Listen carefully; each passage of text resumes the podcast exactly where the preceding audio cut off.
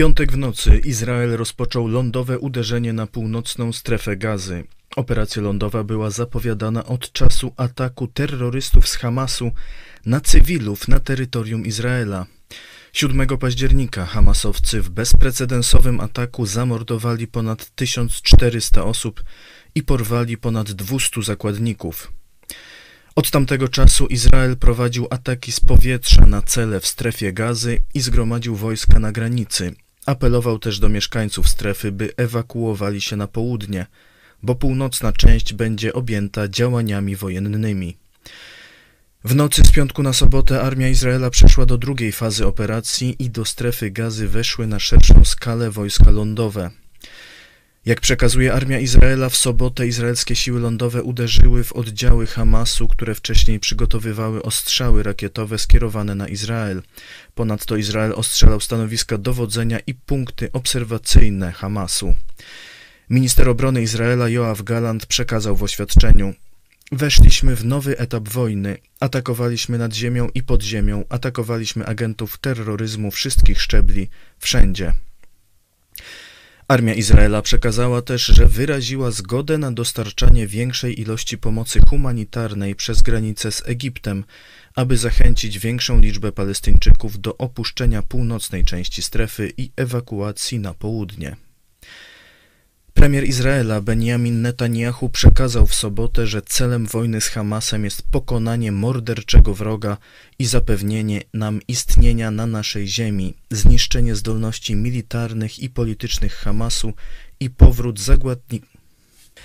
Premier Izraela Benjamin Netanyahu przekazał w sobotę, że celem wojny z Hamasem jest pokonanie morderczego wroga i zapewnienie nam istnienia na naszej ziemi, zniszczenie zdolności militarnych i politycznych Hamasu i powrót zakładników do domu.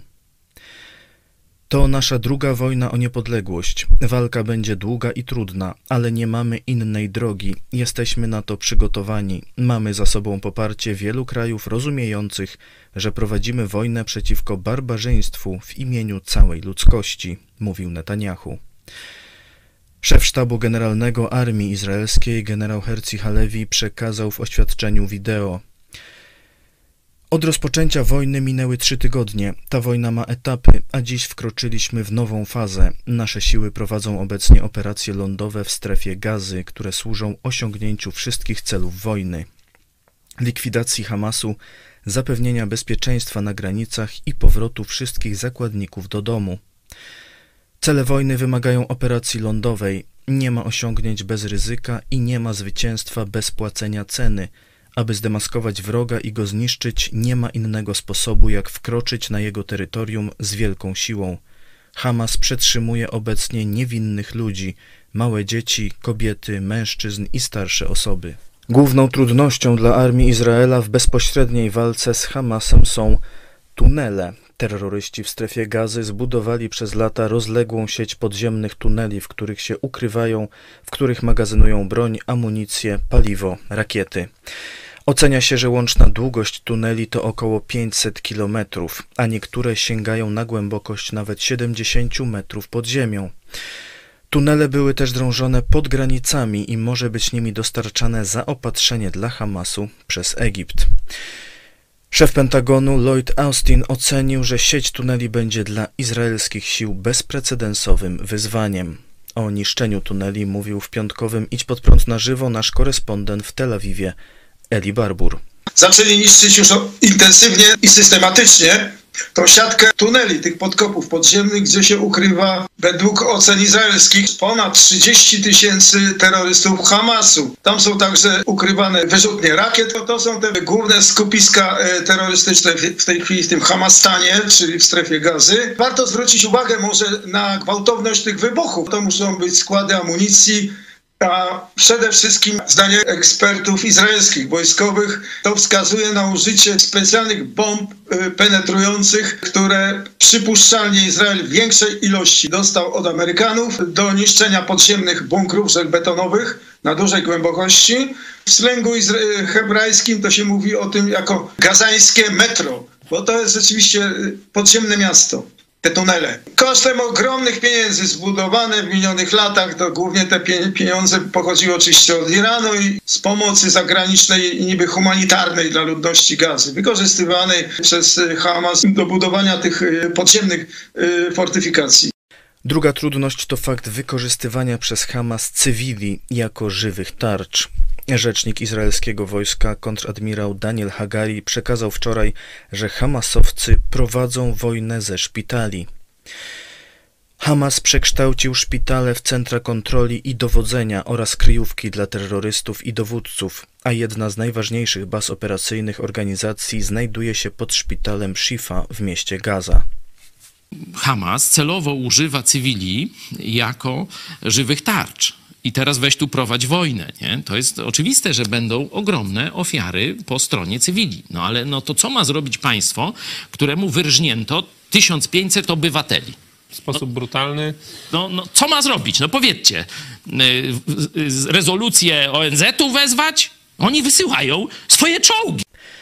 Wczoraj czołgi izraelskie dotarły na obrzeża miasta Gaza. Sprawa wojny Izraela z Hamasem jest teraz głównym tematem w polityce międzynarodowej. W piątek Zgromadzenie Ogólne ONZ uchwaliło rezolucję wzywającą do humanitarnego zawieszenia broni. W dokumencie nie potępiono terrorystycznego ataku Hamasu z 7 października. Rezolucja została zgłoszona przez państwa islamskie. Ambasador Izraela przy ONZ Gilad Erdan stwierdził, że głosowanie za tą rezolucją to hańba i oznacza, że większość społeczności międzynarodowej woli wspierać nazi-terrorystów zamiast Izraela. To czarny dzień dla ONZ i dla ludzkości, powiedział izraelski dyplomata. Z zadowoleniem uchwałę przyjął natomiast terrorystyczny Hamas, który ma władzę w strefie gazy. Za rezolucją opowiedziało się 120 państw, w tym Rosja i Chiny. Przeciwko było 14, w tym Izrael, USA, Czechy, Austria i Węgry. Natomiast Polska i 44 inne państwa wstrzymały się od głosu. Czeska minister obrony Jana Czernochowa w reakcji na głosowanie napisała na Twitterze: Wstydzę się za ONZ. Moim zdaniem dla Republiki Czeskiej nie ma miejsca w organizacji, która kibicuje terrorystom i nie szanuje podstawowego prawa do samoobrony. Wyjdźmy. Premier Czech Petr Fiala odpowiedział, że rozumie oburzenie pani minister, ale zapewnił, że Czechy pozostaną w ONZ i będą nadal promować tam swoje stanowisko i przekonywać inne państwa o jego słuszności.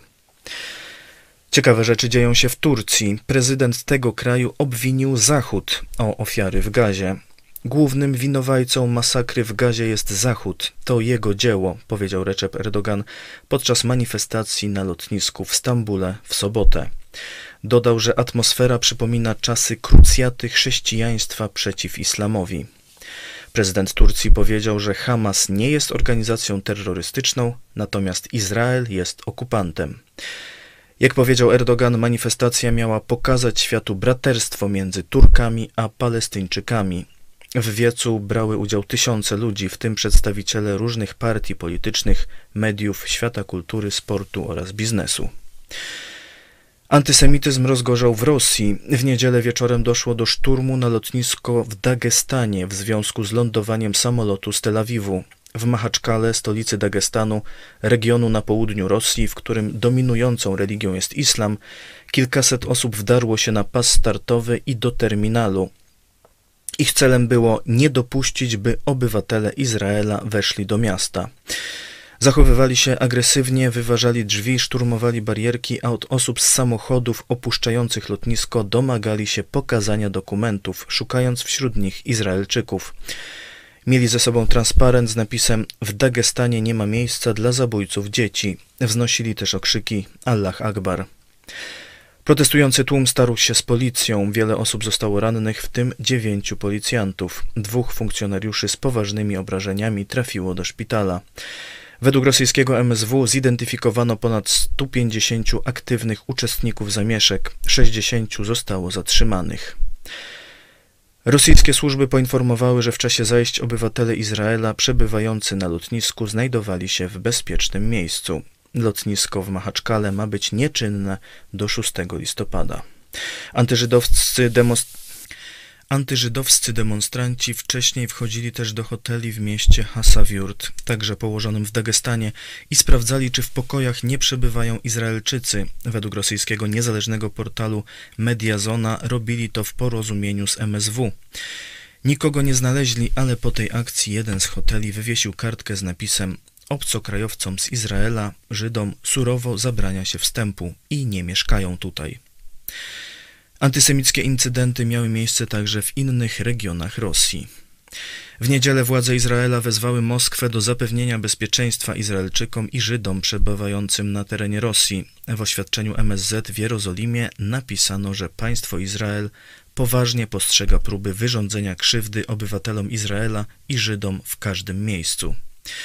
Jak wskazuje amerykański think tank Instytut Studiów nad Wojną, przedstawiciel rabinatu Rosji w Dagestanie, Owadia Isakow, ostrzegł rodziny żydowskie mieszkające w tym regionie, że powinny wyjechać z Dagestanu, a nawet całkowicie opuścić Rosję.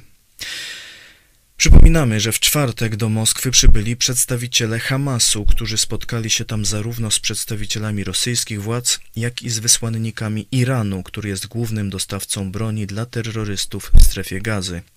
Przedstawiciel Hamasu nazwał potem Rosję najbliższym przyjacielem. Wczoraj w Warszawie odbyła się manifestacja solidarności z ofiarami Hamasu. Wydarzenie Solidarni z Izraelem miało miejsce przed pomnikiem bohaterów getta na Muranowie. Na miejscu był Piotr Żmuda z klubu Idź Pod Prąd Warszawa. Także był rozstawiony stół a na, i na krzesłach, które, był, które były postawione, były rozłożone zdjęcia osób e, porwanych e, przez, przez, przez Hamas i bardzo wzruszające zobaczyć, ile tych osób zostało porwanych. No, no bardzo dużo było przemówień. E, był wicemarszałek Kamiński, był też przedstawiciel rządu, pan Jarosław Seli, i też politycy z Koalicji Obywatelskiej, przemawiał też pan Michał Szczerba, widziałam panią Żukowską. Właśnie całym sercem z narodem izraelskim, który musi po prostu w tym momencie dzielnie walczyć, a my wspieramy w każdym momencie i, i naszymi myślami, naszymi modlitwami. Ja jestem w kościele e, ewangelicznym i limy się o, o, o uwolnienie tych ludzi i o, o pokój dla Izraela. Putin po prostu, gdzie może, wkłada swoje ręce, szkolił przecież tych ludzi z Hamasu, to strasznie. Dziękuję Wam za uwagę. Polecam dzisiejszy program Iść pod prąd na żywo. Tam szeroki komentarz do wojny Izraelu z Hamasem i tego, co w związku z nią dzieje się na świecie, a także wieści przywiezione z Ukrainy przez wysłanników, którzy zawieźli tam pomoc humanitarną. A w dogrywce Idź pod prąd tam zachowała się polskość. Oba programy znajdziecie na naszym YouTube i Facebooku. Idź pod prąd. Do usłyszenia.